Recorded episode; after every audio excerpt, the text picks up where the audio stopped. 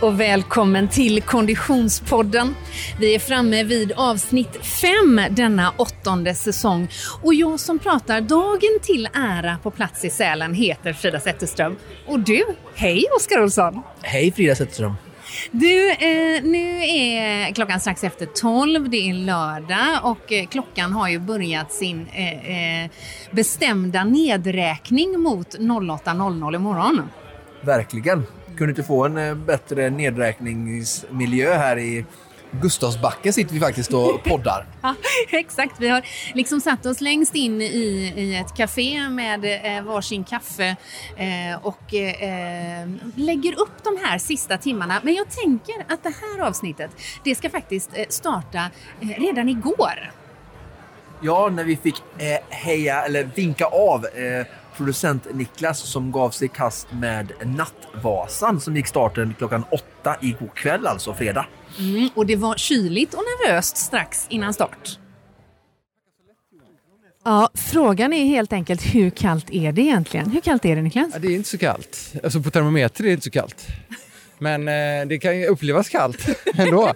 Och vi har suttit i en buss nu från Mora hela vägen hit och den var typ 25-30 grader. Så då börjar man liksom Ja, precis. Så började man klä av sig och, och kände att nu får vi komma fram. Ja. Så när man kliver ut då från den, då är det kallt. Mm. Ja. Men alltså, det här är ingen lek. Alltså, vi har haft ångest idag. Jag har haft ångest. Det är på riktigt. Liksom. Att vi, innan vi kom iväg från där vi bor så har jag bytt kläder tre gånger. Mm. Jag känner mig som en sån där tjej som inte ska bestämma sig vad man ska ha på sig när man går ut.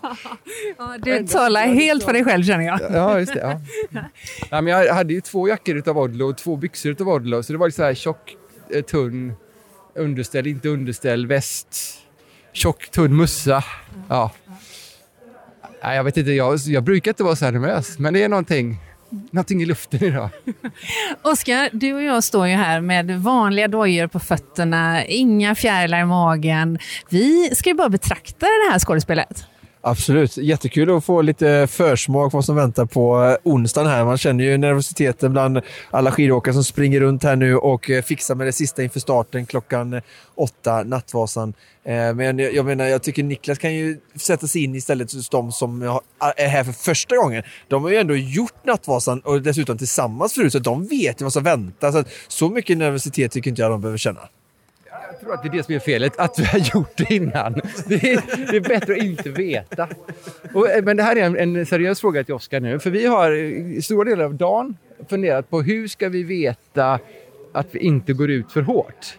Att vi inte liksom spräcker oss. Och så har vi börjat räkna på kilometertider eller vi har börjat räkna på liksom, eh, ja, medelhastighet. medelhastighet och grejer. Men, men det, det, det är ju helt ja, vi känner att det är lite irrelevant när det är liksom olika före. Nej, jag förstår din oro lite att gå ut för hårt eller att inte gå ut tillräckligt hårt kanske, för någonstans vill ni ju ta er till målet så fort som möjligt. Men ni, det är ju så här att skidåkning, även för oss som åker längre fram och för alla, så det, det går ju upp och ner. Så att det är normalt att pulsen går upp eh, när ni åker uppförsbacken och sen att den går ner när ni åker på platten. Så jag tänker att första eh, tredjedelen så är det bra om ni kan prata med varandra när det går platt. Så när det kommer en uppförsbacke så kör ni så hårt att ni tycker att det är obehagligt att prata. Men sen när ni kommer upp och åker på krönet, att ni får någon chans till återhämtning, att ni kan kunna prata med varandra. Om det är så att ni åker på platten och tar i så mycket att det inte är någon konversation, för ni vet att ni har kört sådana här tröskelintervaller på O2 och det blir så här att nu vill inte jag ha någon konversation. Då, då kan det vara att det är lite eh, tidigt att ha det redan liksom mellan eh, Smågan och Mångsbodarna kan jag tänka mig. Eh, om man inte är supertränad som eliten. De, de har ju den intensiteten hela vägen. Men för, för er så kan det vara bra måttspåsak att vi ska kunna prata med varandra på platten fram till Evertsberg. Och sen om vi känner så här, äh, det är piggt, det går bra, jag är stark, bra. Nu ökar vi efter Evertsberg, för det är också lättåkt därifrån. Så att har man lite extra kräm kvar så kan man ju liksom få med sig farten in i liksom backarna och trycka på sista biten. För det är ju lättare att ha liksom flow från Evertsberg, för det går ju väldigt mycket höjdmeter neråt. Och härifrån är det väldigt mycket mer uppför till Evertsberg än det är från Evertsberg till Mora. Mm. Mm. Johan, vad, vad, tänker du om eh, den informationen? Prata med varandra på platten? Nej, men det, det tror jag är väldigt bra. Det var en bristvara vid förra tillfället, att vi pratade inte så mycket. Eh, men det var väl att vi var väldigt fokuserade också. Eh, men det var ju... Men jag tror att vi gick ut lite väl hårt. Det var väldigt kärvt. Eh, då också. Så att, eh, Och så hade vi kilometertider som vi kände att ja, men det här ska vi hålla. ja, men så de var ju för ett mycket det. bättre före. Så. Just det. Johan, du är ju en ny röst för våra poddlyssnare och du är ju eh, eh, Niklas partner in crime här under natten. Hur har ni liksom laddat just den här kvällen? För ni har ju gjort det här förut. Ja, eh, det var fyra år sedan. Och eh, vi har dessutom åkt i alla fall ett Vasalopp dessförinnan. Eh, vid samma tillfälle i alla fall. Eh, men vi har väl... Eh, vi tränar i, i den utsträckningen vi eh, tar oss tiden till det. Och eh, eh, vi känner att vi har en bra inställning. Vi tycker att detta ska bli roligt. Så. Sen vet vi att det kommer bli väldigt smärtsamt. Vi kompletterar varandra rätt bra, tror jag. Ja, det vill vi höra mer om. Ja, men jag tror att Niklas har ju en viss erfarenhet av de här långa Ironman och annat. Så jag vet ju när jag gick ner i en svacka där på förra gången när det var tre, tre och en halv mil kvar.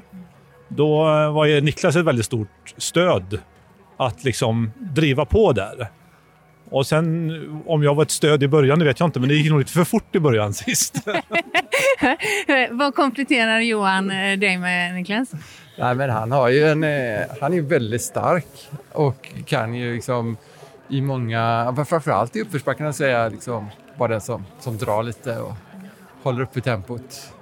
Så det, vi ska bara lära oss och, och veta liksom om, vi, om, om, om, om Johan är trött, ska han, ska han ligga bakom eller ligger han framför? Alltså vad är det som jobbar? Om jag är trött, ska jag ligga framför eller bakom? Alltså vad tycker vi om? Vi vänder oss till Oskar med den frågan. Jag, men, eh, jag känner ju dem lite och håller fast vid det, hans styrka. Johan är, har ju väldigt mycket humor. Så jag tänker att när det är mörkt, det är jävligt, det är kallt, det är jobbigt. Så det är bra med humor ibland. Liksom. Så jag, jag tror han kan tillföra mycket med. Och så kompletterar Niklas med det här eh, lång uthållighetstaktiken eh, och hålla igen lite då. För Johan var ju lite het förra gången.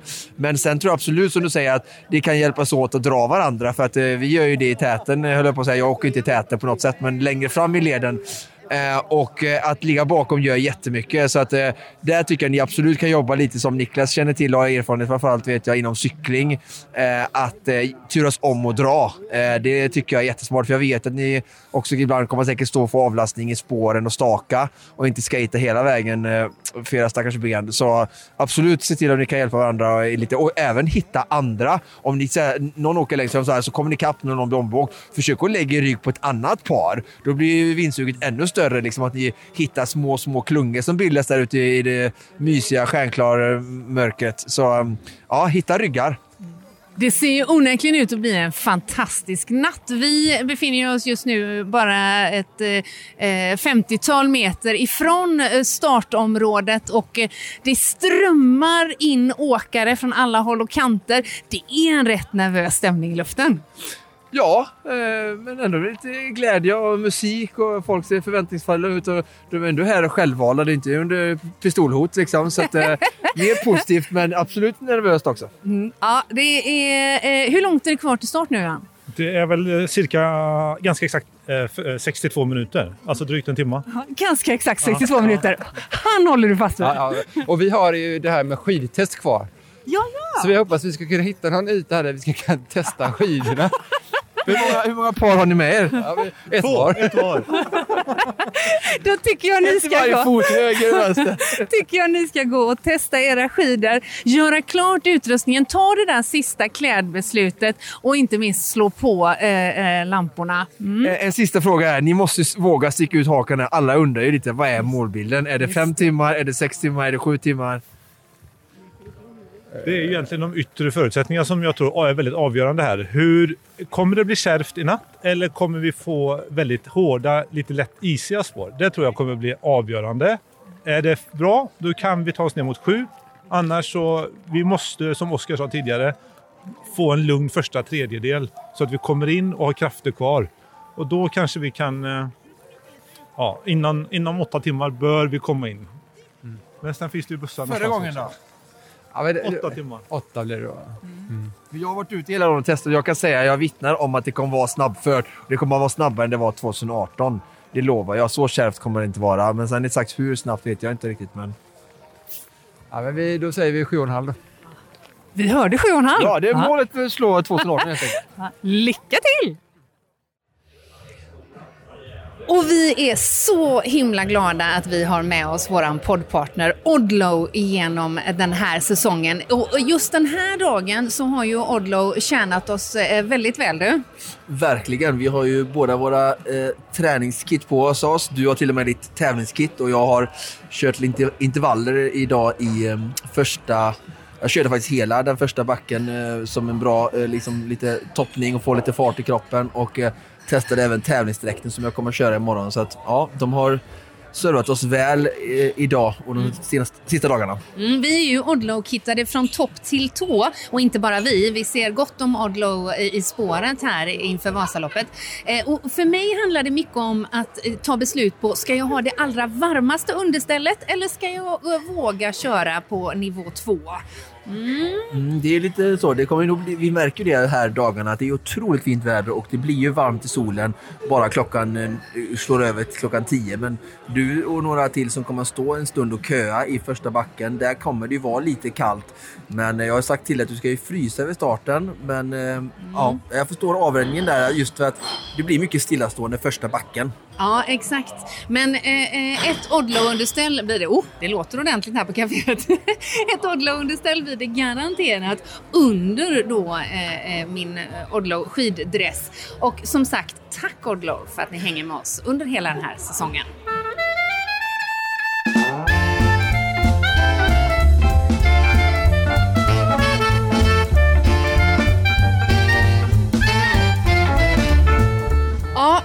Okej Oskar, om vi ska bena ut det här eh, eh, eh, läget, formen och känslan då. Vad är din magkänsla här och nu? Du tänker bara på mig nu eller? Jag tänker bara på dig. Jag tänker alltid bara på dig. Eh, nej, min egna magkänsla, den är väl att... ehm, jag är ju väldigt ödmjuk som jag sagt innan inför att eh, jag åker Vasaloppet första gången på riktigt som jag säger. Alltså jag har åkt något öppet spår och eh, jag har åkt ju Vasåket med dig och är väl bekant med terrängen och alla backarna och så. Men jag har aldrig åkt i något framskjutet led eh, med de här förberedelserna. Så för mig är det verkligen ändå debut får jag, får jag kalla det i någon form. Eh, så att jag går ju in med väldigt låga förväntningar och eh, mest för att se och lära. Eh, men Men när du säger låga förväntningar, då menar du låga förväntningar på resultat och, och placering och liknande? För du har väl sällan låga förväntningar på din egen, ditt eget genomförande? Precis, jag, jag kommer ju ge allt jag har och liksom se fram emot att få köra skiten ur kroppen och det kommer bli jättebra. Men sen är det ju massa olika faktorer Mm. där jag inte är så duktig på när det gäller taktik och allt det här vi har testat nu de senaste dagarna med skidor och utrustning och sådär. Vi har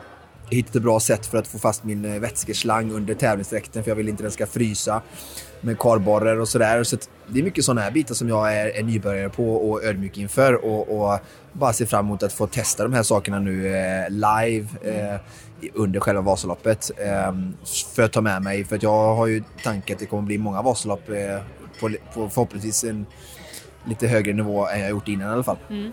Eh, och under förutsättningarna att eh, yttre förutsättningar är gynnsamma, att skidorna känns riktigt bra och, och, och liknande. Vad är en rimlig tidsestimering för målgång för dig? Alltså de pratar ju om att det kan bli rekordår igen. Rent Eh, eh, snöförutsättning? Eller? Ja, precis. ja. Eh, och det är ju ner mot tre och en halv timme för eh, vinnaren då. Mm. Jag tänker väl så här att någonstans så här att om jag kan vara 30 minuter, en halvtimme från vinnaren så hade jag varit jättenöjd och någon typ av skamgräns för mig kanske är 45 minuter från vinnaren då. Eh, det är ju mycket avhängt på, tänker jag, lite då hur skidorna går och sen vilken typ av grupper jag kan hinna ikapp eh, upp för första backen och sen få åka med stora delar av loppet. Jag, jag är inte så där rädd för att kroppen inte ska orka hela vägen till mål eller att jag inte kommer lösa det här med nutritionen utan det är ju med det här med skidor och sen vet jag då att ehm, startpositionen är avgörande för att hamna med bra ehm, grupper där uppe på myrarna och, och åka med och det kommer ju avspegla eh, tiden väldigt mycket. Och det är ju såklart allas ansvar att, att eh, ge sig de förutsättningarna och att komma långt fram. Så jag ska försöka vara där tidigt imorgon bitti, lägga ut skidorna vid fyra är planen nu att vara på plats eh, vid starten och köa. Eh, Follan öppnar ju halv sex. Ehm, så att, eh, det är ju många av de här delarna att det ska klaffa. Hur, hur många kompisar har du i startled 1 att köa med? Ja, det är ju nu, då såg vi 370 eh, insidade och så är det 330 ungefär i elitledet. Så vi är ju då ungefär 700 åkare som står tillsammans i elitled och startled 1 då. Ja, fyra säger du. Det är ju lite tidigare än vad jag har tänkt mig. Ja, men du vet, i starten gick ju 4.30 på Supervasan så att eh, jag är ju van vid de här sakerna och det är ingenting som jag har något problem med eller tycker är ett bekymmer så att gå upp tidigt utan eh, vilan och, och laddningen ska ju vara gjord eh, innan jag lägger mig ikväll. Så det är inte så att jag ska ha samla den sista kraften i natt utan jag, jag känner mig väldigt eh, pigg idag när jag körde upp för backen och kroppen känns återhämtad. Jag är ganska mätt efter frukosten vilket tyder på att jag har dragit ner volymen, äter ungefär samma mängd mat men det betyder att jag är inte hungrig på något sätt så att förrådet är fullt eh, i kroppen eh, och glykogenlagren och sådär och det är jag ju van vid att det är så här det ska kännas när jag, när jag äter ganska lite och så blir jag mätt ganska fort. Det tyder på att ja, framförallt är att jag har dragit ner intensiteten och äter typ samma och då blir det ju, då fylls ju lagren upp liksom. Ehm, så att ehm, ja, eh, allt sånt känns jättebra. Så att ehm, jag ser bara fram emot eh, imorgon bitti och få som sagt i första hand se och lära och hela det här spektaklet för det är verkligen ett spektakel som och det finns så mycket eh, alltså laddningar och folk är spända och det finns mycket kultur och traditioner, rutiner och eh, hur du ska göra och inte göra och jag kommer in lite som en sån här gubben i lådan och tänker att kanske kommer med lite annan typ av ingång i det och tänker och samtidigt som jag såklart alltså inte eh, jag är väldigt noga för mig att ändå ta seden dit jag kommer eh, och inte på något sätt liksom ja, eh, störa de andra på något sätt eller spela, spela Allan på något sätt. Utan, eh, men eh, jag, jag märker verkligen att, eh, ja, och jag lär mig hela tiden. Vi var ute och testade skidor idag med några jätteduktiga killar som jag sover med, som också startade startled 1 och har ju åkt massa Vasalopp. En av killarna har åkt tio gånger och ja, men de är ju jätteduktiga liksom, så att, eh, jag har lärt mig jättemycket hur många, alltså när vi ja, framförallt har testat skidor nu då, och hur, hur de laddar och pratar om loppet och första startrakan eh, och, och första backen är ju väldigt taktiskt just för att det kommer avspegla eh, resten av loppet och din, ditt resultat. Ehm, så att eh, ja, många nya aspekter att ta hänsyn till och lära sig av och jag bara njuter och följer med resan och det är det här lite som driver mig att eh, som människa vare sig det är arbete eller i träning eller sådär att få hela tiden utmana mig själv, lära mig nya saker och, och se hur, hur bra jag kan bli på, på det som jag ägnar min tid åt. Mm. Ja, och jag kan meddela att även i, i de eh, eh, eh, högre startnummersregionerna så är kulturen enorm eh, eh, faktiskt eh, även där. Det är ju många som har åkt många Vasalopp och som har väldigt starka åsikter och tankar och reflektioner kring eh, hur saker och ting går till. Så att även jag ser och lär ordentligt eh, och, och ser väldigt mycket fram emot morgondagen. Och, och vi inleder ju det här avsnittet med eh, att eh, starta igång Nattvasan där eh, poddkollega eh, Niklas Axede med kompis Johan gav sig iväg och det blev ju en, en spektakulär natt för dem. Ja, eh, verkligen. Eh, de kämpade på bra, bra fart till eh, Risberg och även till Evertsberg. Sen verkar det som att Johan fick det lite tufft. Och enligt rapporter jag fått nu då så måltiden var ju 7.30. Men i Oxberg så verkar det som att eh, Johan eh, fick eh, slänga in handduken. Men Niklas, procent-Niklas, eh, eh, fortsätter och fullföljer loppet Eh, och kom i mål på 6.52, vilket om det stämmer är ju en jätteimponerande och bra tid och långt under det de hade tänkt. Och, och deras, eh, de åkte ju på åtta timmar sist, även om det var lite kärvare före. Så Eh, sen tror jag inte att den, kanske den eh, tiden kommer bli registrerad eftersom att det är ju en lagtävling där du ska fullfölja. Så att det kan nog varit så att laget står som att de har brutit i Oxberg men att Niklas ändå för egen del fullföljer loppet vilket var väl smart att få han har ju tränat mot det mycket och få se ändå vad han går för och hur... Ja, så att det tycker jag var kul att han fick gå i mål och eh, vi hoppas att eh, det inte är något allvarligt med Johan och att han är pigg och glad och står på startlinjen nästa år. Vi har ju även, eh, vi alla i Konditionspodden har ju följt våran kompis Thomas Ottosson genom den här eh, Vasaloppsresan. Eh, en fantastisk prestation genom Jubileumsvasan och sen eh, skidade han även upp ett spår i början av veckan. Men nu har han blivit sjuk. Ja, eh, jättetråkigt. Han vakn, eh, vaknat upp i natt med feber och eh, fick bege sig hem nu i morse tidigt för att inte smitta sina kamrater i sin stuga. De gjorde också en, ett nytt rekord på stafettvasan där de hade en ny toppnotering på placering. Jag tror de var ja, men topp 60 eller någonting. Och det är ju farbröder över 50 allihopa, så det var ju imponerande. Så att, men kanske att han har haft lite för många lopp och kroppen inte riktigt hunnit återhämta. Och när vi kör lite för hårt så, så um, behöver inte att vi var smittade av någon, utan ibland kan vi få sådana feberknäppar av kroppen när vi verkligen har liksom, så att, eh, det är väl en lärdom för honom. Men eh, vi lider med Thomas som är en riktig Vasaloppsräv och har åkt typ allting och, och skidat och sprungit och cyklat. Allting vad Vasaloppet heter. Så att, eh, ja, jättetråkigt att han inte ska få uppleva de här fantastiska förhållandena. Jag känner nästan lite som, vi pratade ju med Clara Henry i förra avsnittet och eh, då eh, pratade hon ju om att, det här med att hennes eh, referenser från Vasaloppet var ju snöstorm och det är ett av de sämsta de senaste 20-30 åren. När hon åkte första gången och nu är det ju liksom fantastiskt förhållande. Så jag tänker, jag får ju lite felaktiga referenser här nu för det är svårt att toppa detta.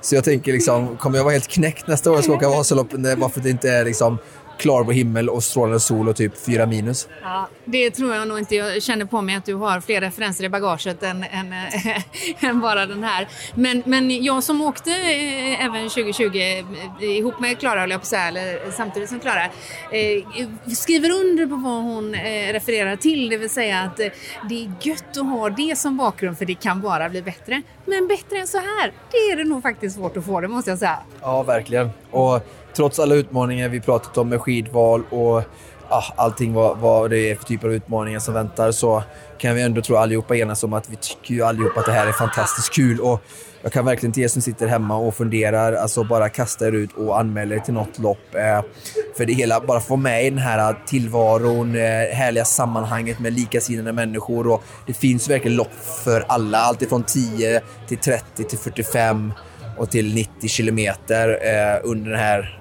10-14 dagarna som, som Vasaloppsveckan håller på. Så att jag kan verkligen varmt rekommendera att få komma upp här för den här miljön här uppe. Alltså, vi satt ju här ute och käkade lite lunch i solen och, och kollade på slalomåkarna. Och det är mycket saker runt omkring Vasaloppet som, som inte är att förakta heller, mer än själva loppet som jag förstår timmarna innan kan vara lite ångestladdade och sådär. Liksom. Men, men, att bara åka upp och vara här uppe är ju otroligt eh, fin upplevelse och bara skapa ytterligare ett minne som vi kan bära med oss resten av livet. Så eh, jättehärligt. Innan vi avslutar eh, eh, och eh, går in i den sista uppladdningsfasen så tänker jag att vi måste bara beröra eh, det här med skidval. För det är ju någonting vi har eh, återkommit till under de senaste veckorna.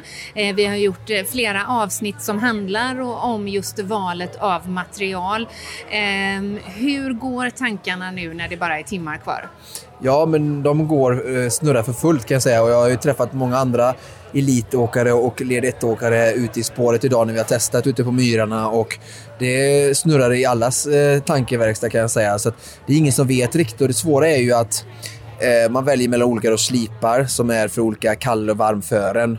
Och det som är säkert är ju att det kommer vara kallare i Sälen vid starten, både för att det är kallare i Sälen än Mora alltid i princip och sen också för att det är ju tidigt på morgonen när vi startar och senare på dagen när, när solen har kommit högre upp och då värmer på snön och det blir varmare i snön och mer då varmföresskidor och, och, och slipar som går kan gå bättre. Så att, mm. Och prognosen är ju dessutom eh, rent vädermässigt sån att det kommer att vara klar luft vilket ger väldigt kall morgon eh, och eh, solen får chans att värma på. Så det blir stora ja, temperaturskillnader. Ja. Men nu är det ändå så att jag tror ändå kommer gå på en kall slip så de kommer gå bättre i i början och sen så är eh, rapporterna vi har fått från några duktiga vallare nere i Mora som har testat skidor idag att snön hinner inte bli så varm innan klockan 12. Mm.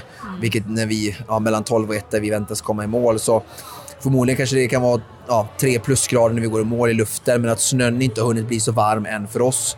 Så att eh, jag kommer nog gå på en kallslips som det ser ut nu för den glider bäst eh, av de testerna vi har gjort både igår och idag. Så att, eh, det blir nog det. Men det, det kommer bli ett huvud för alla att välja. Och sen så ja, var och en får göra sitt val och stå för det och, och lära sig utifrån det. Så, men eh, ja, jag kan ju inte låta bli att eh, tycka att det är lite synd eh, att det ska behöva skilja så mycket eh, av prestationer beroende på vad du har under fötterna.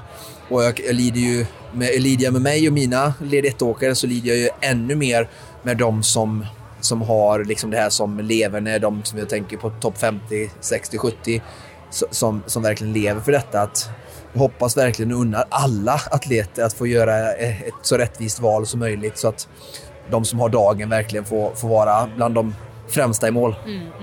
En enorm fördel känner jag för mig som kommer att hinna ha både varm och kall snö igen eftersom det kommer att hinna bli kallt på eftermiddagen. Och om jag ska liksom försöka skicka med någon typ av lärdomar utifrån det jag har lärt mig så, så är det ju så någonstans så att vi, nu har jag ju fått skaffa flera par skidor att testa och, och det här med att testa skidor eh, får ju någonstans öka och bli mer seriöst och allvarligt ju bättre det blir och jag är ju långt ifrån den nivån av att testa skidor som de absolut främsta ägnar sig åt. Och de har mycket fler skidor, mycket mer eh, alltså team och resurser runt omkring sig såklart. Men jag är hyfsat liksom, seriös om jag jämför med någon som står i kanske led 3, 4, 5 och men till de som är ju längre bak du hamnar så kan man nog ändå så här börja lära sig att ja, men du kanske kan ha två skidor, en för varmföre, en för kallföre.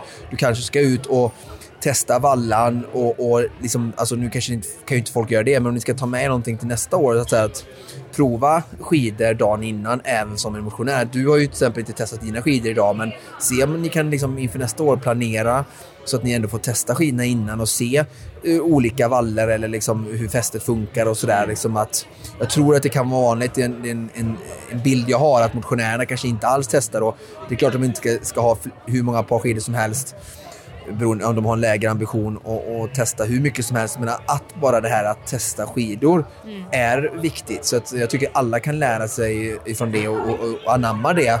Fast såklart testningen får stå i paritet till dina ambitioner såklart. Och jag känner när jag hör detta att det är dags att åka och hämta mina skidor. Ja, precis. Hämta ska de göra.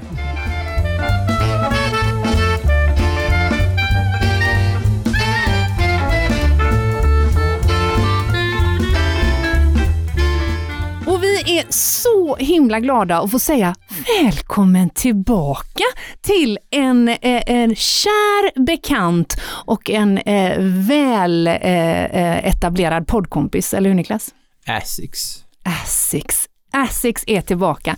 Eh, Asics eh, har ju följt oss under många säsonger vid det här laget och eh, kommer att följa oss under hela det här året. Och vi kommer ju följa dem, Oskar.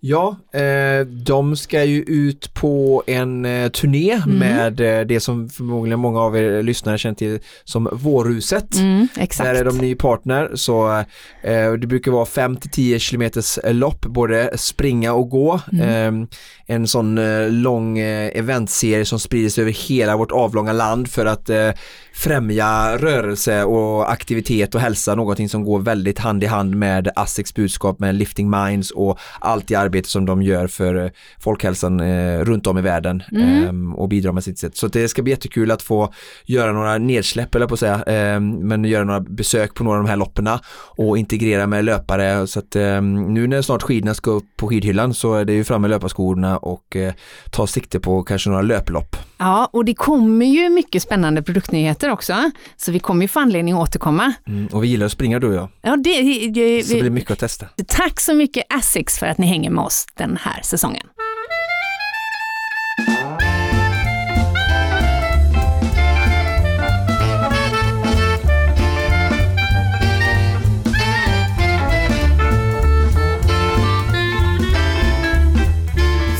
Fyra dagar senare och back on track i studion har vi nu samlat oss lite och eh, Oskar, du ser en smula plågad ut.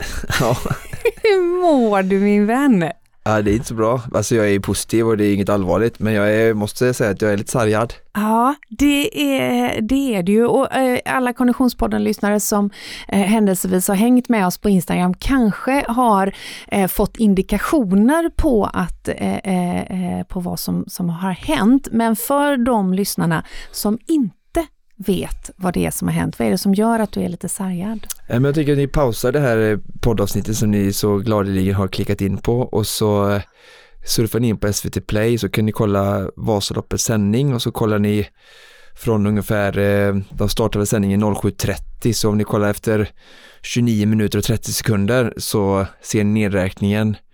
Och sen ser ni starten och man förstår ju på kommentatorerna Hård och Blomman att de inte riktigt fattar vad som händer heller för det är för mig då, jag som tittar på det nu i efterhand, de, de, de kommenterar knappt det till en början det som händer, de uppfattar inte det och pratar bara om den här långa ormen som är så fantastisk, eh, men sen så till slut så börjar att se att det har hänt en olycka där och mm, jag tycker så här efter att de kan inte fatta att de inte liksom reagerar mer på det när jag Mm. tittar på det för jag ser i bilden att det blir sånt vitt hål i den här fina ormen annars ehm, just för att det ligger en hög av hundra åkare Ehm, och det var ju en krasch då ehm, som hände precis framför mig, eh, väldigt eh, surrealistiskt. Eh, så jag såg ju exakt vad som hände eh, first hand. Vi ska komma tillbaka till den kraschen och hur det kändes, hur det gick till. Men om vi bara nuläges konstaterar, hur mår du här och nu, Eh, fyra dagar eh, efteråt? Ja, eh, men jag har ju brutna revben, eh, flera stycken, eh, på min höger sida som en följd av detta. Eh, så jag är fullproppad med morfin just nu och eh, det hjälper mig att eh, stå upp och andas åtminstone. Eh, men mycket smärta. Men det vet ju alla som har brutit revben att det gör ont. Men även eh, konstaterar, eller troligt, de tror att jag kanske har bronkit då, eh, vilket jag har mycket hostningar då, vilket gör det hela lite Det är ju inte extra. det man vill göra med brutna revben, hosta. nej, nej, nej, nej. Men Okej. jag är positiv, det är inget allvarligt, det kommer ju läka ihop detta så att eh, vi reser oss upp. Okej, men vi, eh, eh, det är de yttre fysiska omständigheterna. Vi ska ju trots det ändå ta oss tillbaka lite grann till själva Vasaloppsdagen. För som ni precis hörde här innan så var vi ju väldigt peppade och taggade dagen innan, du och jag. Verkligen. Och man får ändå säga att vi hade gjort våran hemläxa i förberedelser för vi hade en väldigt bra både eh, förberedelse dagen innan, morgon och start, båda två. Ja, allt i mitt flöt helt klanderfritt förutom den här startincidenten så allt annat jag kunde påverka gick verkligen precis som jag ville. Mm. Du fick dina gels och min nutrition hela vägen funkar och material och nej, det verkar... Det var ju en krispig, fantastisk morgon i, i, i Sälen eh, i söndags. Eh, minus 12 tror jag det var på, på eh, temperaturmätaren när jag rullade eh, där vid eh, femtiden. Då stod ju du redan i kö för att ta dig in i eh, din startfolla eh, och, och eh, placerade ju dig väldigt bra i startled 1. Ja, jag typ eh, kom in typ 50, 60, 60 plats, jag var den 03.55 och hamnade typ 60 Så jag kom ju, fick stå i eh, tredje startled, eh, alltså tredje startled, men förlåt det är dumt, men tredje skidpar då Exakt. i startledet. Mm. Ja. Eh, eh, och jag, eh, ett antal tusentals åkare längre bak, eh, eh, köade ju för att få en, en, en bra position i, i startled 9, vilket jag lyckades med. Eh, och det gjorde mig väldigt glad. Så, att, så att vi var ju båda två peppade och efter våra förutsättningar väldigt taggade på att komma iväg. Eh, 08.00 går starten och efter 13 sekunder, vad är det som händer Oskar? Ja, eh, jag vet inte. mm, Det är klart, vissa av er vet ju om hur det, hur det är i starten och stått där, vissa har inte gjort det. Eh, Men det är ju, alltså alla spår, om vi bara börjar där, alla spår är ju proppade. Mm, Alltså det absolut. finns ju inte en kvadratcentimeter eh, framför eller bakom någon skidåkare och inte emellan utan det är ju tajt och Det är ju därför man köar för att få en plats att lägga ner för sina det är ju fullt i startfältet och det är därför det är 15 800 startande och inte 15 803 utan Nej. det får inte plats mer. Ehm, om vi då har den eh, eh, bakgrunden så tänker jag att alla människor som lyssnar eller som tittar på oss förstår att det är omöjligt att byta spår. Det finns inte att byta till. Nej, precis, för det finns ju inga luckor liksom. Nej. Och det dröjer ju en tag innan det blir luckor Mm. och utdraget. Eh, så vi startar och det går ju väldigt fort, det är isiga spår så det som kommer upp och jag eh, ska visa dig en bild här medan jag pratar. Jag, Mm. jag kommer upp i eh, 32 kilometer i timmen. Eh, ser du precis i början där så ser du att det står Just det. Mm. hastighet 32 där. Exakt. Och sen vad händer med kurvan efteråt? Den, eh, man kan säga att den störtdyker. Störtdyker, ja. Eh, och det är ju till eh, för att jag då hamnar i den här kraschen. Och det som händer då är att han, en elitleds- elitledsåkare, vilket är väldigt surrealistiskt, som står typ näst längst bak I, i elitledet då, bara ja. någon meter framför mig. Jag har ju Ja. två stycken rader av skidåkare framför mig och sen är det en rad längst bak i elitledet och så den näst längst där då. Ja. Han eh, gör eh, ett spårbyte. Eh, måste ju få ett hjärnsläpp eller någonting. Eh, för det är ju han som orsakar hela den här kraschen. Och när han gör spårbytet, jag vet inte vad han tänkte med det, för det finns ju ingen plats att byta till som vi har konstaterat. Nej. Eh, det blir ju ser ut som en typ en hockeytackling han gör på personen som är jämte, som han liksom dunkar till också då. Och då, där är ju liksom Tappar han pinnet ett... balansen? Nej, nej, nej. Han byter Ja, jag, jag fysiskt ser, spår? Ja, byter spår. Ja. Ja. Ehm, och ehm, då, de som är bakom eh, försöker väja instinktivt till höger. Ja. Och den första då väjar till höger eh, lyckas inte helt väja utan fastnar ju i skidor och stavar och ramlar. Ah. Personen bakom honom försöker ju vä- väja ytterligare åt höger, misslyckas. Ah. Och så det här plockepinhögen byggs ju på åt höger och likadant, jag försöker ju väja åt höger och går ur Ah. spår och försöker väja men eh, jag hinner, alltså det är för kort tid fram så att Ja. jag, jag åker bara rätt in och så hamnar jag på marken, slår i ryggen, landar på sidan, vänder mig om och, och ser och hinner tänka att vad fasen, jag, jag hinner tänka ganska roligt så här att okej, innan jag vrider huvudet Ja. så har jag redan gett mig själv en bild från typ Lejonkungen Exakt. eller något sånt där, det komma En sån sån här här hord. hord. Ja. Ja, och, och det, det är det jag ska se och så när jag vänder mig om så ser jag ändå så här med min, till min belåtenhet höll jag på att säga, men att det är inte så som hjärnan har, har re- registrerat att det skulle vara flera tusen åkare som kom utan det är bara enstaka för att Ja. Det är ju flera människor innan som har upptäckt detta Ja, just så det. folk har ju börjat skingra sig så det är ju Just det.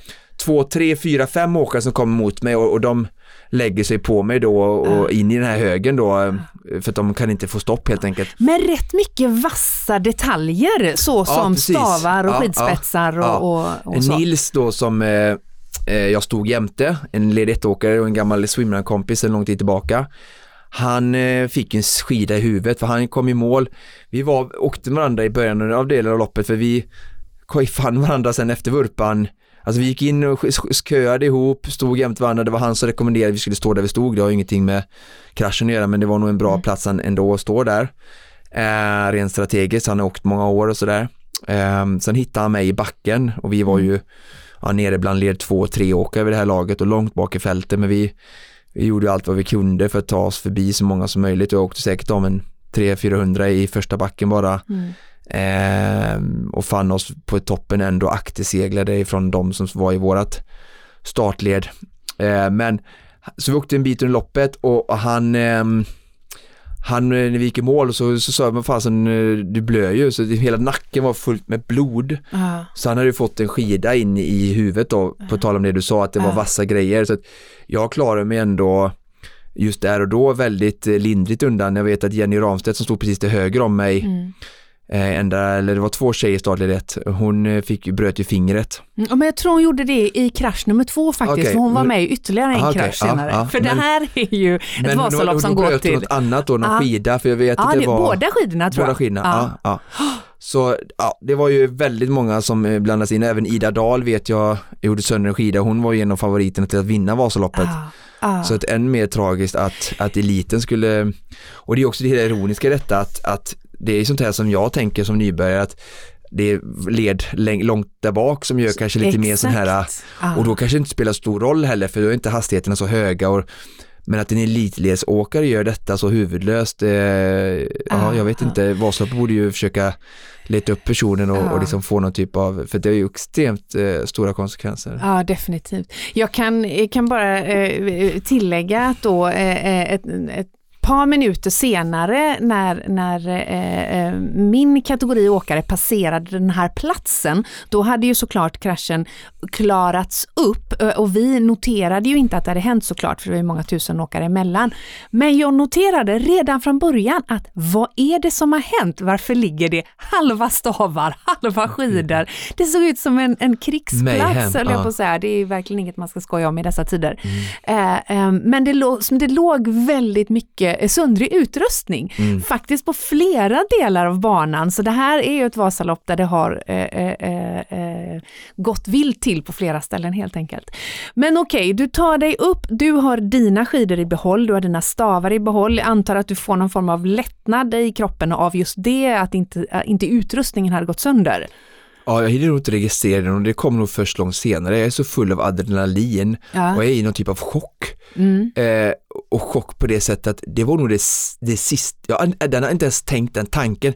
Jag tänkte ju massa saker att, ja, var försiktig med stavarna, eh, i backen, det. det. där kommer bli Ja. trångt och allting Ja. sådär. Och det jag såg framför mig vid starten som jag sett flera gånger, det var det här att jag skulle bli frånåkt för att jag inte har den här topphastigheten som elitåkarna har Mm. och sådär och att det skulle nästan segla ifrån mig. Jag hade ju massa, skapat massa sådana här sinnesbilder någonstans Mm. på hur olika scenarion kunde utspelas och försökt förbereda mig så som jag gör inför alla tävlingar. Så det här var väl en bild att någon skulle byta spår precis framför mig och att vi skulle vara 100 personer som bara kraschade och bröt fingrar och ben och Ja, revben. det var inte med i... Nej, nej, nej. Så att liksom jag reser mig upp där och kommer iväg så det liksom tar ganska lång tid i en gärning att registrera vad som hände. Mm. För jag bara kom upp och började staka lite mer så här Hittar ett nytt på spår. automatik, ja, på automatik och ja, det var ju helt utdraget och fältet och det kom folk och det var väldigt kaosartat, folk det. skrek och var ledsna och arga och Ja, såklart. Eh, men sen då så när jag började staka så är det klart det slår mig till slut att tänk att mina, min utrustning höll liksom. Ja.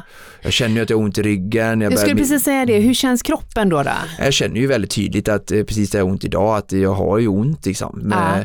Men adrenalinet hjälp, gör ju säkert väldigt mycket Mm. där till och gör att det ändå är så här, nej men jag, jag kör liksom. Alltså Mm. blir det inte värre så, så ska jag väl kunna fortsätta. Mm. Eh, sen under den dagen så blev det ju värre och värre men jag stod upp några gånger och försökte sträcka ut ryggen. Jag visste ju inte vad som hade hänt utan jag försökte bara var, jag var väldigt försiktig sen efter Evertsberg i mina rörelser för jag, jag tänkte flera gånger att om det blir värre nu eh, så kommer jag ju få bryta Mm, och det var ju mm. min stora farhåga. så Just att, eh. Jag var ju extra försiktig så. Mm. Men eh, kan inte säga att liksom, smärtan eh, påverkade mig så mycket just där och då.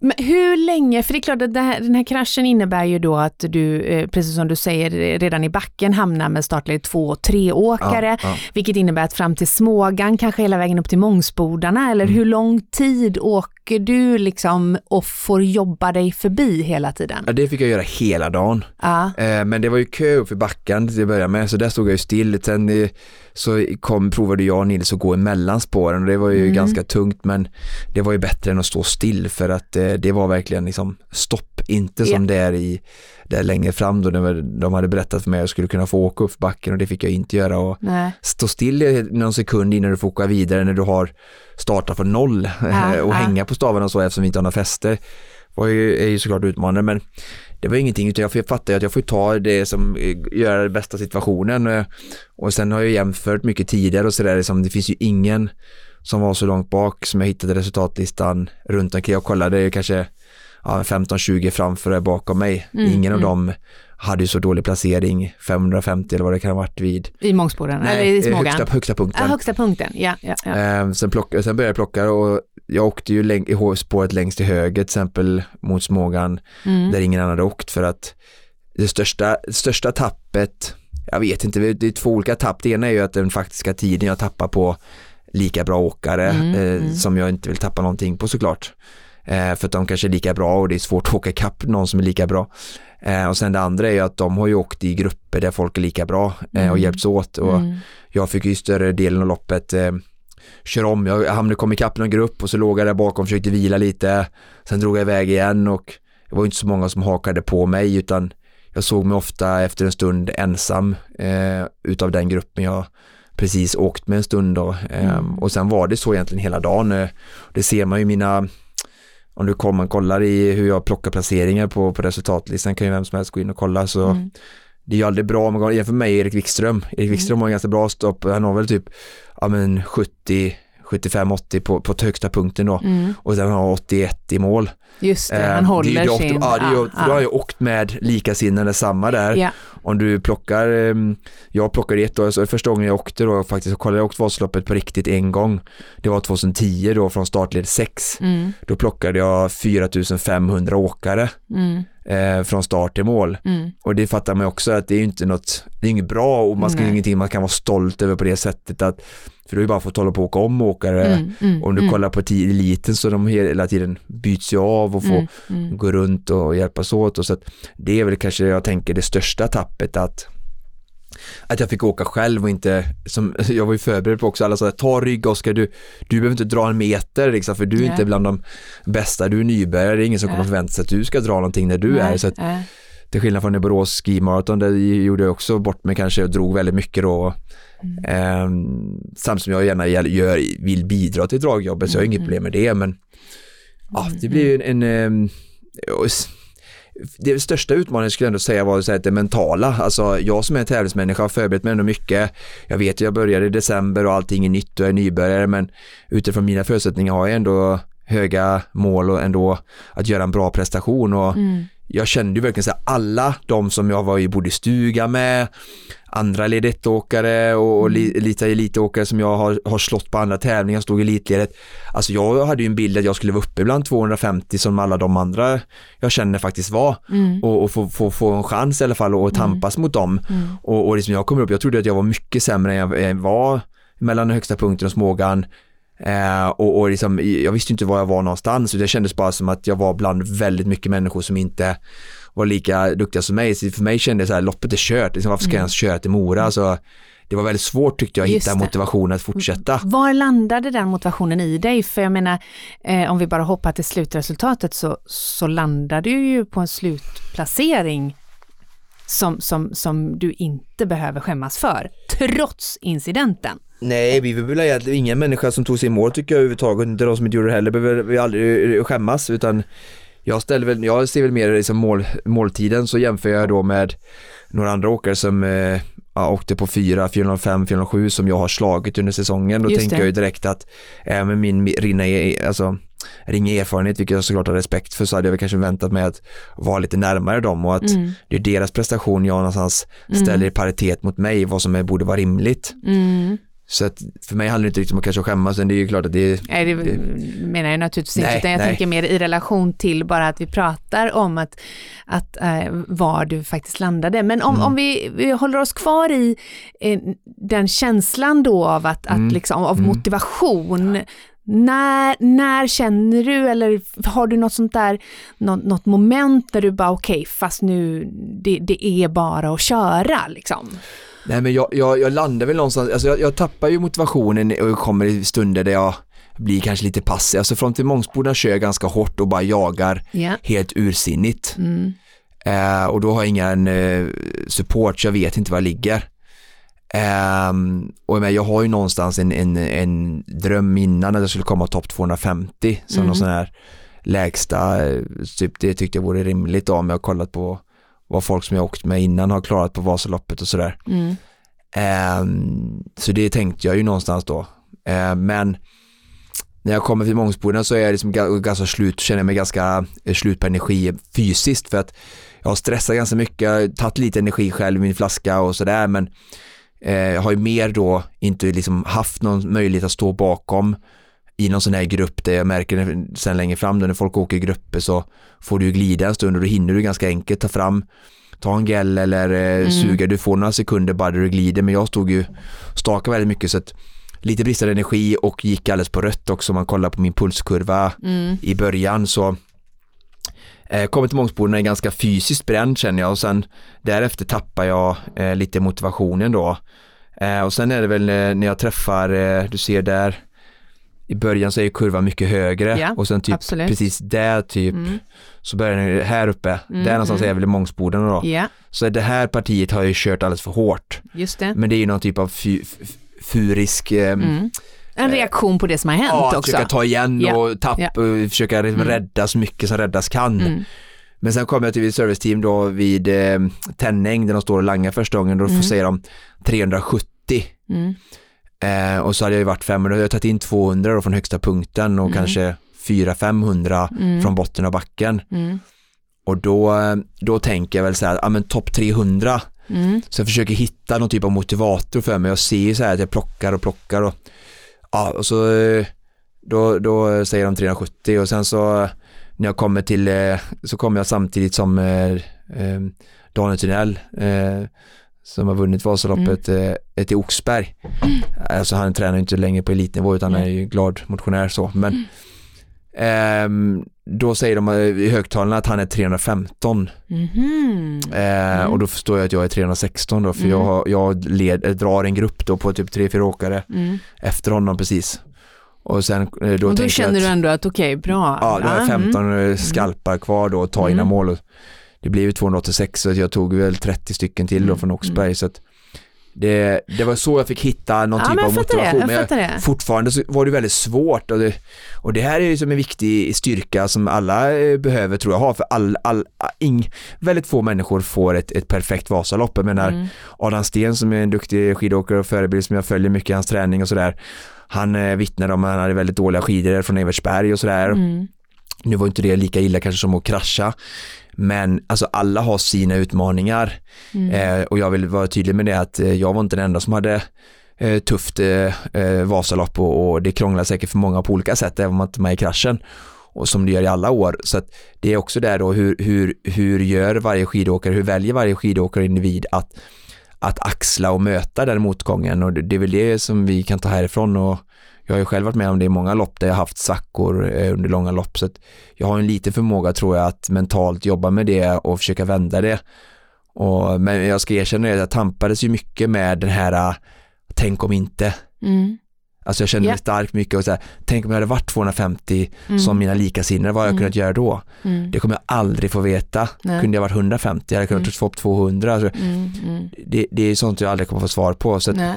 Det jag ändå försöker så här efterhand fokusera på är ju att jag är glad att utrustningen eh, höll. Det var Mm. många utrustning som gick sönder. Mm. Att några revben är brutna nu, eh, det liksom överlever jag. Eh, och sen då allting som jag kan påverka. Mm. Jag brukar ofta säga att vi kan alltid påverka allt, men just den här olyckan kanske får vara ett sånt eh, undantag då, för det var ju svårt för mig att, att påverka det. Men sen då utrustningen, bra skidor, jag testade skidor första gången i mitt liv inför Vasaloppet, eh, jag har inte gjort några andra tävlingar på det sättet. Eh, att nutritionen med, jag hade liksom sportdrycken på vind, eller i bilen på, i termos när den var varm. Eh, gällen på benen som jag fått lära mig. Mm. Trugorna var extra åtdragna. Mm. Eh, alla sådana saker som, hä- alla de här rookie-misstagen som jag gjort under Mm, mina åtta mm. sidningslopp från december till Vasaloppet där jag har gjort alla de här misstagen, alla Mm. de hade jag ju lärt mig av och allt sånt funkade, funkade verkligen klanderfritt, det fanns Mm. ingenting som inte gick i lås. Kroppen kändes stark, Mm.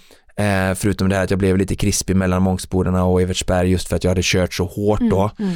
Fick tillbaka styrkan eh, i Lundbäcksbackarna tyckte jag, där jag tog mycket folk. Eh, och hela vägen in kände mig stark in i mål, kom Mm. in i mål och var inte sådär jätteslut sådär. Åkte solo från nästan från Eldris typ in i mål eh, och plockade folk hela vägen där. Så att hela den upplevelsen och alla de saker jag kunde påverka gjorde eh, jag bra tyckte jag ur nybörjares liksom, perspektiv. Mm. Så det är, det är det jag väljer att ta med mig från det här loppet och ja, så det är så vi bara kan se massa lärdomar och, och fokusera på det än, eh, och sen bara acceptera att eh, incidenter händer all, i alla liksom, lopp och i, alla, i livet överhuvudtaget. Mm, mm. Ja, det är, eh, det är en eh, strapatsrik helg vi lämnar bakom oss helt Mm. klart. Eh, Hur gick det för dig? Jag menar, du fick ju köa lite upp. Lite. Ja, lite. Jag tyckte det här i perspektiv, så här, Ja. du åkte 9.07 med mig i Vasaåket. Ja. Då hade du en coach som matade dig och peppade dig och så. Mm. lite sämre förhållanden. Mm. Ehm, nu hade du 9.47.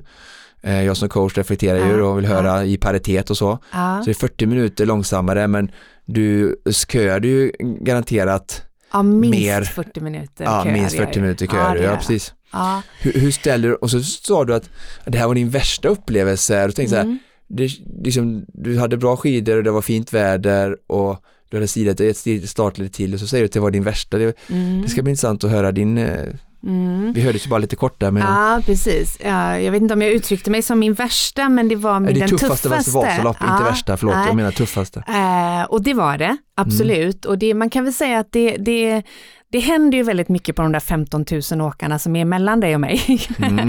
Eh, Ja, eh, det vi åkte Vasaloppet var det bara några tusen som åkte i spåren och så ja. Mm. Så att, så att eh, det var inte sämre förutsättningar då. Utan Ah. Nej. eh, från Evertsberg. Jag tänkte ju precis Ja. utifrån mina och Ja. spåren var ju utan jättefina jag- hela vägen ja, för mig. Där jag Mm. befinner mig Ja. så var det fantastiska spår till Risberg. Eh, Okej, men det fick ja. du i alla fall till Ja. Risberg. Ja, alltså Mm. Mångsbor, Smågan, Mångsbodarna, Risberg, dit var det... Eh, Spår som gick att åka ja, i. där var det jättefina spår. Ja. Och där tog jag i mer än vad jag brukar, vilket Mm. var, eh, eller alltså än vad jag kanske eh, i vanliga fall disponerar min kraft för att hålla så länge som det tar för mig. Eh, vilket var, var kul och bra liksom. Sen inser jag att jag eh, eh, har ju liksom, fick ju, gick ju ner lite i kraft då, men det var ändå, det var ändå fantastiskt. Men Sen så försvann ju spår fullständigt. Så att eh, från, eh, men från, Risberg, Evers, från Eversberg ungefär så var det typ inte spår, utan det var liksom spenat. Och det är ju för en duktig åkare inga problem. Men för en så pass tekniskt begränsad åkare som jag är, så kräver det en helt annan koncentration och en helt annan muskelkapacitet. det i kombination med att jag, eh, det min största, vet du vad min största lärdom är? Nej. Att jag nästa gång, och jag har sagt det här förut, Ja. så ska jag stanna och lägga på mer fäste.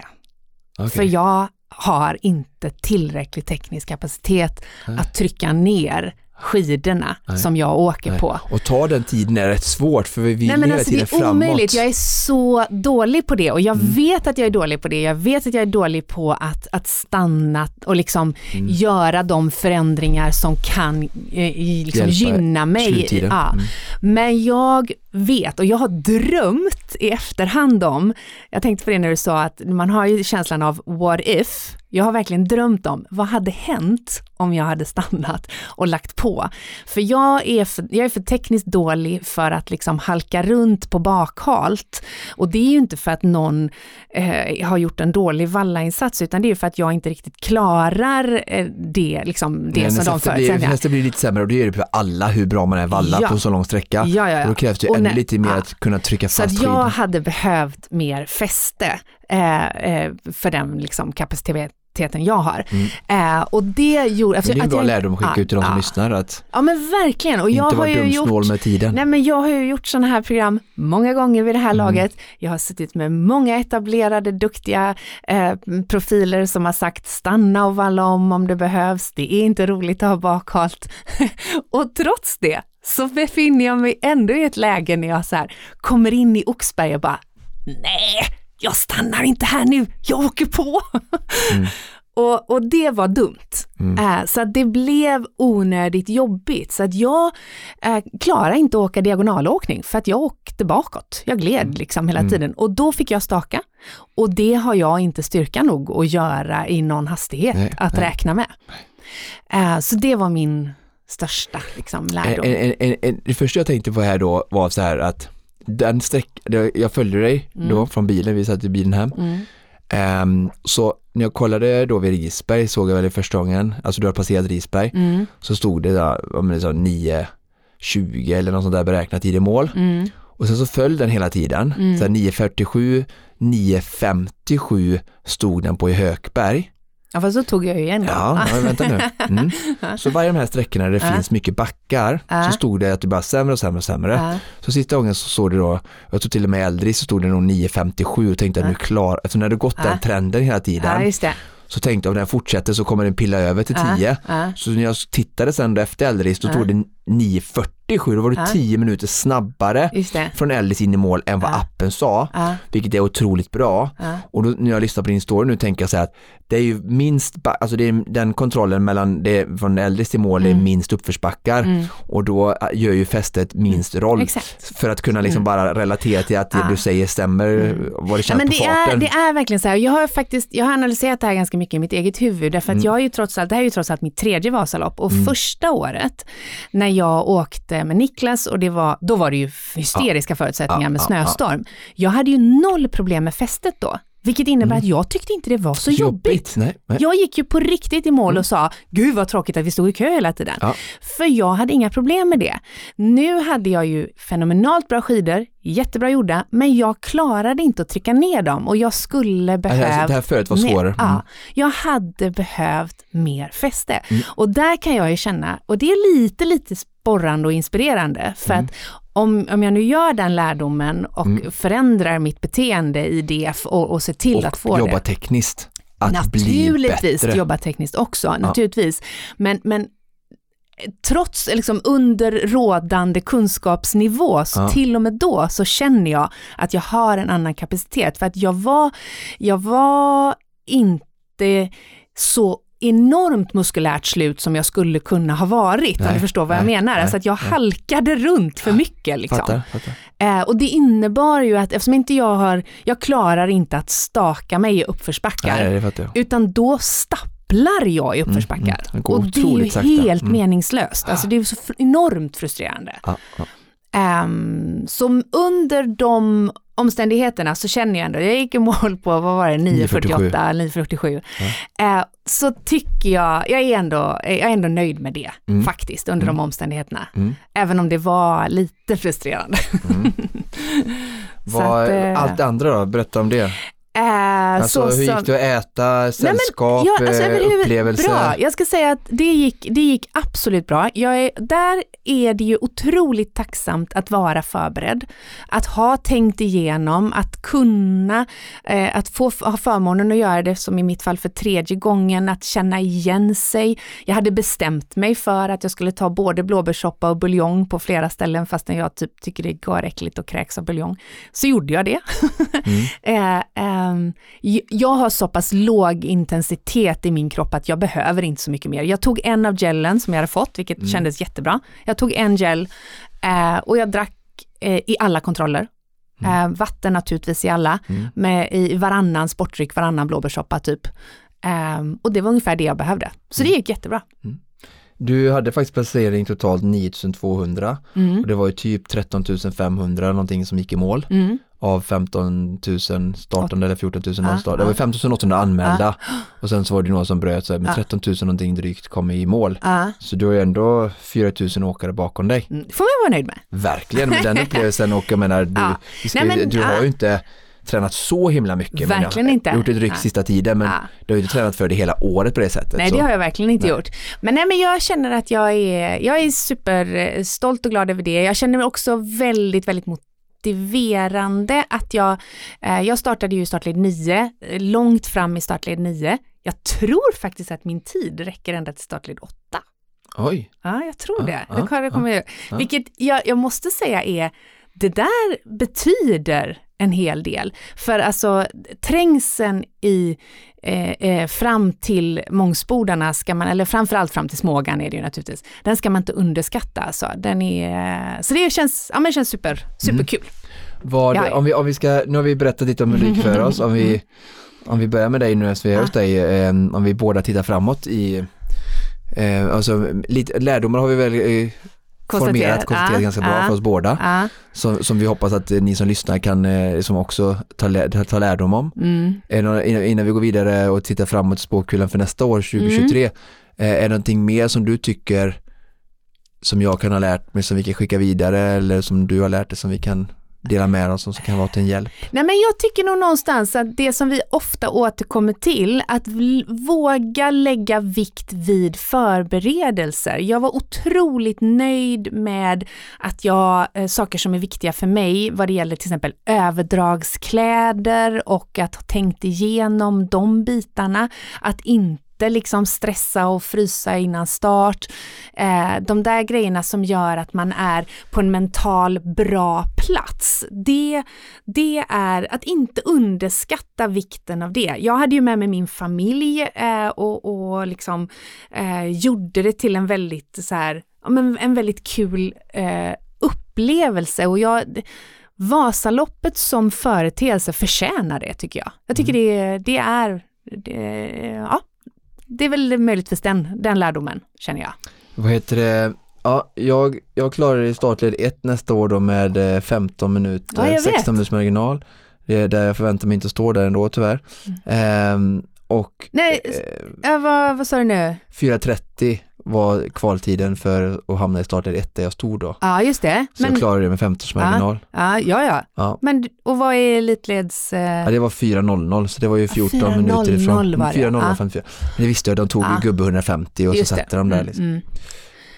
Eh, men sen så har vi då eh, 10.02 för startled 8 så du Ja. är ju med god marginal Ja, i startled 8 vilket är jättekul och, och att du hamnar fram med startled till det är ju, Ja. det är ju bara det är ju värt att fira. Ja, just det. Och eh, eh, eh, någonstans eh, innan Oxberg så tänkte jag, tre gånger är en bra siffra, nu är jag klar. Oj men ja, mm. men eh, det har jag ju redan glömt. Eh, så, Ja, att, så det har, vi, det har jag redan lämnat bakom mig. Och tänk om jag hade åkt öppet spår på 4.20. Då Ja. hade jag fått, Men du vet det här, nu låter vi re- revbenen läka och sen så finns det oändligt med möjligheter. Mm. Mm. Ja, ja, visst. Jag Ja. ska sida min lite. Såklart. Så vi tittar framåt. Det är mitt mål nästa Ja. år. Jag har Ja. till och med sagt att jag inte ens ska åka Vasaloppet från någon ledighet. Nej. Um, Mm. jag, alltså jag känner bara att eh, alltså jag har ingen brådska framåt. Jag kommer jag tänkte vara kvar här ett tag till. Så att Mm. eh, jag, Johannes Gillerö har redan nu satt eh, det här teamskapandet i görningen. Så att eh, Ah. vår förhoppning är ju att Bra! eh, vara fyra, fem killar som eh, bygger ett sånt där team utifrån våra förutsättningar och eh, liksom våran satsning och nivå. Men Mm. bara att tänka att om, du, om vi skapar ett lag tillsammans där vi kan lära oss varandra, Mm. vara ute på tävlingar tillsammans, lite träningsläger tillsammans. Alltså jag saknar den här äh, lagkänslan som jag hade i swimrun. eh, Så att eh, vi har redan påbörjat den processen och ser fram emot det jättemycket och bygga kring detta. Mm. Och naturligtvis, kära Konditionspodden-lyssnare, kommer ni att få följa med på vägen. Och om du som lyssnar också åkte Vasaloppet vill vi ju såklart gärna veta hur det gick för dig. Hur var din upplevelse? Tveka inte att höra av dig och skriv gärna på eh, exempelvis eh, vår senaste Instagram-post. Eh, det vore kul att få en liten diskussion där om eh, och se hur det har gått för alla Konditionspodden-frälsta. Och en, jag skulle vilja skicka ut en till diskussionsgrej som ni gärna får integrera med oss till och jag vet inte om Frida som är bra på att göra sådana här frågor. Ja, Eh, Jag skulle jättegärna vilja ta upp debatten och nu är det här avsnittet kanske färdigt nu men till vidare framåt och framförallt ta in er lyssnares åsikt. Eh, Ska Vasaloppet fortsätta med massstart eller ej?